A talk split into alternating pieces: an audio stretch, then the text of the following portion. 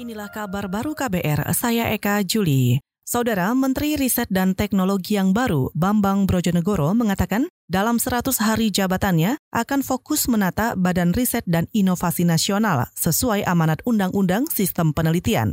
Hal itu sesuai arahan Presiden Joko Widodo ketika menunjuk dirinya sebagai Menristek. Arahan itu misalnya mengefektifkan anggaran penelitian dan riset yang jumlahnya sangat kecil tapi justru tersebar di mana-mana. Berdiri atau diamanatkannya adanya BRIN itu bukan untuk mengkotak-kotakan mana riset yang dilakukan oleh yang disebut sebagai lembaga riset, baik lembaga riset pemerintah ataupun swasta dan perguruan tinggi.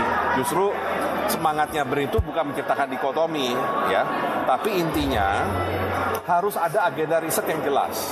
Nah, agenda riset yang jelas itu harus terkait dengan apa yang menjadi tujuan pembangunan kita. Menristek sekaligus Kepala Badan Riset dan Inovasi Nasional Bambang Brojonegoro menambahkan, meski kewenangan pendidikan tinggi dilimpahkan ke Kementerian Pendidikan dan Kebudayaan, tapi seluruh penelitian dan riset yang dilakukan perguruan tinggi pasti akan selalu mendapat dukungan Kemenristek.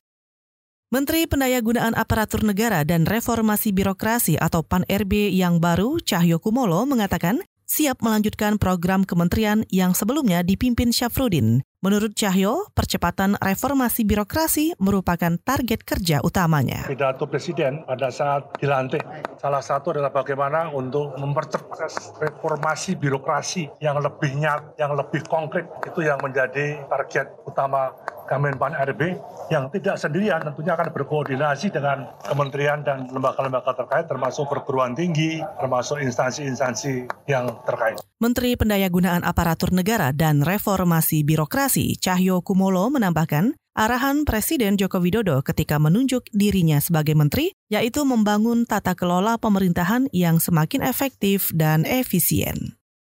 Saudara, terpilihnya Mahfud MD sebagai Menko Polhukam membawa harapan besar supaya pada periode kedua pemerintahan Presiden Joko Widodo kasus-kasus pelanggaran hak asasi manusia bisa diselesaikan. Komisioner Komnas HAM BK Ulung Hapsara menilai, sebagai Menko Polhukam yang baru, Mahfud MD relatif bersih dari beban kasus pelanggaran HAM masa lalu. Harapan bahwa pemerintahan Jokowi di periode kedua ini menyelesaikan kasus-kasus pelanggaran HAM berat tentu tinggi. Dan saya kira kalau memang Pak Jokowi kemudian dalam pengertian komitmennya melemah, ya tugas kita bersama untuk kemudian menagih janji presiden dan juga menagih komitmen Menko Polhukam karena Menko Polhukam kan kemudian dia mengkoordinir Jaksa Agung dan kementerian lainnya. Komisioner Komnas HAM BK Ulung Hapsara juga yakin buruknya komitmen pemerintahan Presiden Joko Widodo pada periode pertama dalam menyelesaikan kasus pelanggaran HAM masa lalu bisa diperbaiki oleh sosok Menko Polhukam